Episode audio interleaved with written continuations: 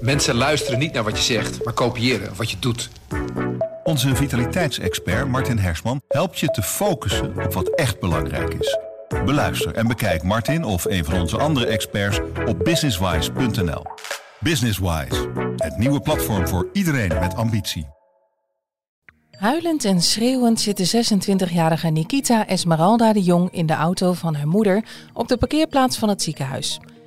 Weer begint een arts over haar psychische stickertje, terwijl ze al jaren kapot gaat van de lichamelijke pijn. Ze vindt geen gehoor. Het breekt haar. Ik stop ermee, vertelt ze haar moeder. Enkele maanden later overlijdt ze. Haar ouders doen nu hun indringende verhaal. We voelden ons allebei zo in en in machteloos. Je luistert naar Moet je horen, waarin we bijzondere verhalen van de Stentor aan je voorlezen. Met in deze aflevering het verhaal van Nikita. Ze vindt geen gehoor bij de arts en overlijdt zonder diagnose.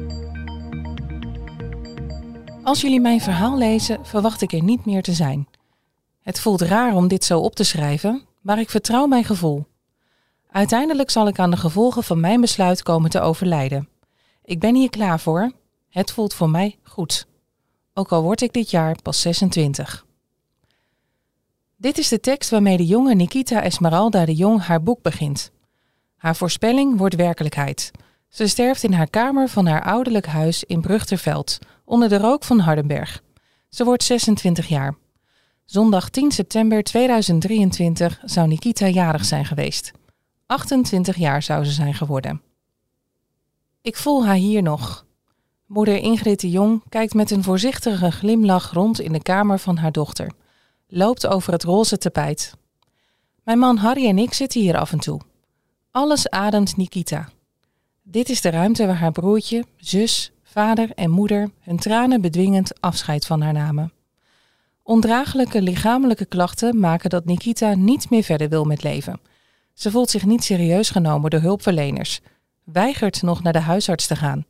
Die focust enkel op haar psychische stickertje, vindt ze.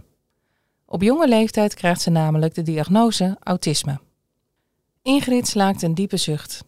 Als Nikita het gevoel had gehad dat hulpverleners haar serieuzer namen, waren dingen misschien nu anders geweest.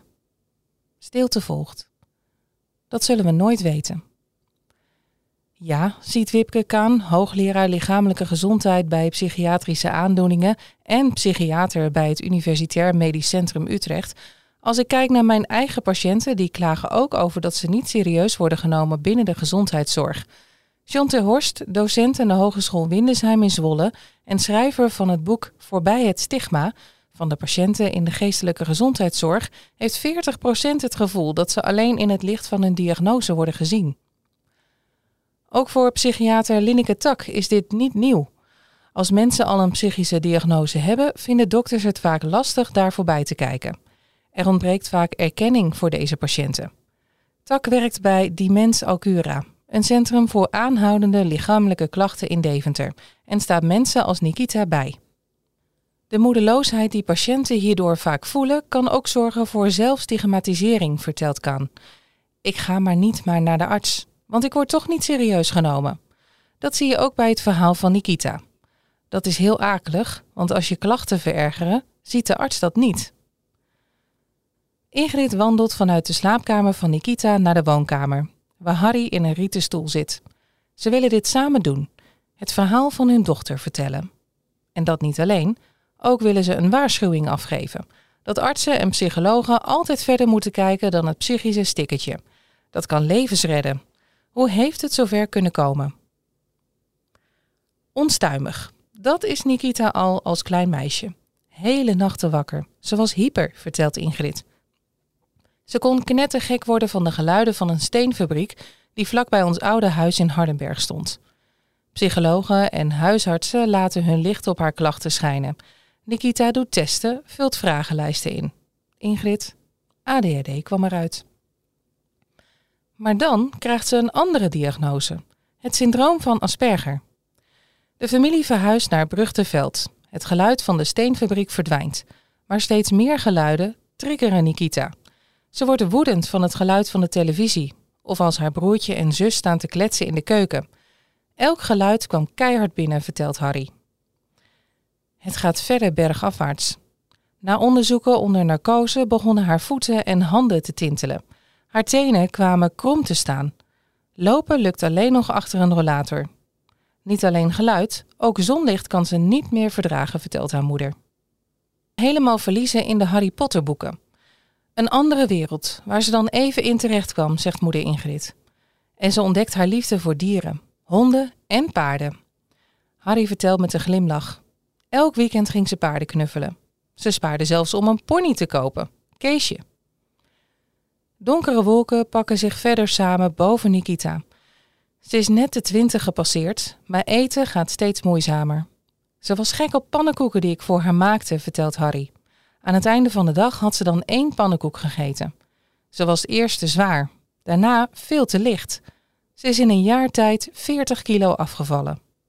De huisarts bekijkt haar klachten vooral in het licht van haar psychische diagnose, zegt Ingrid.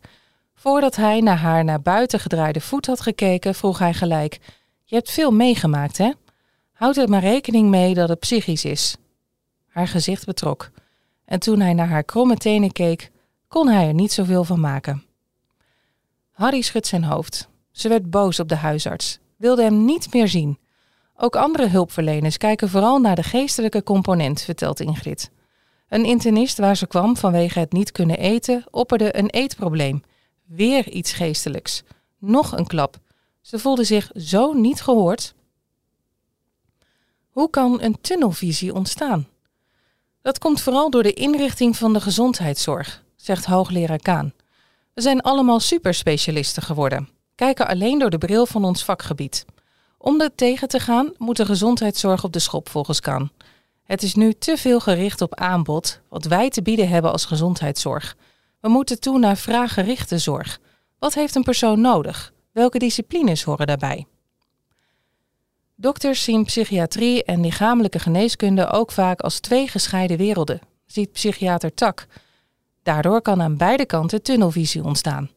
Het is noodzakelijk dat dokters met een brede bril kijken. Bij iedereen met ernstige lichamelijke klachten speelt lichaam en geest een rol. Er zijn volgens Kaan nog onvoldoende protocollen om dit op te vangen. Er zijn wel richtlijnen, ga met andere collega's in gesprek, maar dat is logistiek vaak niet haalbaar. Een van de problemen is dat de GGZ vaak op een andere locatie zit dan in het ziekenhuis.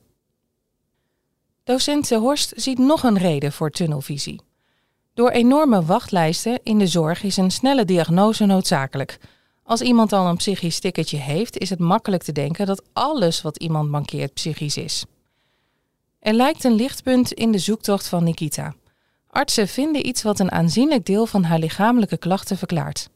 In het ziekenhuis wijzen onderzoeken naar een zeldzame afwijking in haar lever, waardoor die niet goed kan ontgiften, vertelt Ingrid.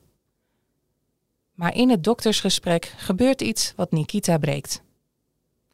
Ze hadden het over de leverafwijking, maar zeiden in één zin: Maar dit verklaart niet al je klachten. We willen ook kijken naar het psychische stukje. Ingrid slaakt een diepe zucht, slikt een traan weg. Ze kwam zo gepijnigd uit dat gesprek.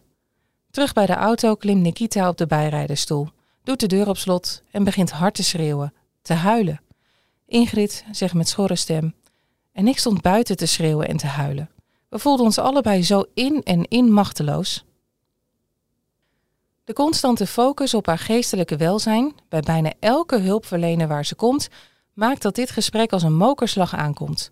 Er gaat een knop bij Nikita om. Dit nooit meer. Ik stop ermee, zegt Nikita terwijl ze terugrijden naar huis. Ik heb liever lichamelijke pijn dan deze kwelling. Ze weigert nog naar de dokter te gaan. Ingrid kijkt naar haar handen. Je weet dan, ik ga haar verliezen, zegt ze zacht. Nikita gaat steeds verder achteruit, is aan bed gekluisterd. Om niet blootgesteld te worden aan zonlicht, neemt ze met volle maan afscheid van haar pony Keesje. Ingrid schiet vol. Ik zie haar daar nog zo staan, dacht alleen maar: Ach meisje, je bent zo jong, nu sta je afscheid te nemen van je pony. Ze schraapt haar keel. Alles had een laag verdriet, maar het was ook zo mooi en intiem. Er kwam rust. Geen stress meer door ziekenhuizen, geen zoektocht naar diagnoses, maar het was ook heel moeilijk. Ik heb zo'n pijn, heb veertig halve tabletjes diclofenac genomen. Dat appt Nikita haar moeder op een ochtend. Ingrid belt de huisarts. Die komt direct. Euthanasie is niet mogelijk, vertelt hij Nikita. Ze heeft geen levensbedreigende diagnose in haar dossier staan. Maar hij zei wel iets wat ons verraste, zegt Ingrid. Dat er mensen zijn die niet meer eten en drinken als ze willen sterven. Hij legt haar uit dat ze na drie dagen in de war raakte door het vochttekort. En dan zorgen we dat je in slaap wordt gebracht. Stilte. Ik zag het in haar ogen. Dit ga ik doen. Ze stopte gelijk met eten. We mochten niet huilen bij haar in de buurt. Ze was te zwak om ons te troosten. Ook niet wanneer ze in slaap was gebracht, drukte ze ons op het hart. Straks krijg ik dat mee en kan ik jullie niet helpen, zei ze dan. Na drie dagen raakt Nikita inderdaad in de war. Die avond brengt de thuiszorg een infuus met slaapmedicatie in. Toen realiseerde ik me: we gaan haar stem nooit meer horen, zegt Harry zacht. De familie waakt over Nikita, de tranen bedwingend, zoals Nikita had gevraagd. Om de drie uur lossen ze elkaar af. Dan kwamen we bij elkaar in de bijkeuken en barsten we in tranen uit, vertelt Ingrid. Nikita slaapt uiteindelijk in, met haar vader en moeder aan haar zijde, op 26-jarige leeftijd. Ingrid en Harry zijn ervan overtuigd dat Nikita nooit Asperger gehad heeft. Ook de huisarts schreef in haar dossier uiteindelijk dat er sprake is van een ander inzicht, vertelt Ingrid. Het geestelijke stickertje dat haar achtervolgde was misschien wel geen goed geplakt stickertje. Daar zijn we erg boos over geweest. Voor ze stierf zei ze tegen ons: Ik heb me ook zo gelukkig gevoeld. Ik heb jullie om me heen, als lieve ouders, vertelt Ingrid. En boven wachten mijn dieren op me. Het is goed zo. Ze glimlacht. We hebben zoveel van haar geleerd. Leven in het hier en nu, genieten van kleine dingen. Ingrid bracht samen met haar dochter het boek Niet gehoord uit over de levensloop van Nikita. De namen van hulpverleners zijn daarin gefingeerd. We willen geen vingers wijzen, maar een boodschap afgeven. Luister naar je patiënten. Harry wijst. Daar, in dat hout, zitten twee lampjes. Toen Nikita's opa overleed, knipperde één van die lampjes vaak. Dan zei Nikita, dat is opa. Ik vroeg, doe jij dat ook als je bent overleden? Misschien wel, zei ze. Hij glimlacht. Hij knippert regelmatig. Ik voel dan dat ze er is. De naam van de huisarts is bekend bij de redactie. We hebben een reactie gevraagd, maar die wilde de arts niet geven. Ingrid benadrukt dat de relatie met de huisarts is hersteld. Hij heeft in haar laatste fase goed voor Nikita gezorgd. Daar zijn we heel dankbaar voor. Het ziekenhuis waar Nikita heeft gelopen reageert desgevraagd dat ze vanwege privacyoverwegingen niet op casussen van individuele patiënten ingaan. Fijn dat je luisterde naar Moet je horen. Wil je meer bijzondere verhalen? Ga dan naar de stentor.nl slash moet je horen of download onze app. Mensen luisteren niet naar wat je zegt, maar kopiëren wat je doet. Onze vitaliteitsexpert Martin Hersman helpt je te focussen op wat echt belangrijk is. Beluister en bekijk Martin of een van onze andere experts op businesswise.nl. Businesswise, het nieuwe platform voor iedereen met ambitie.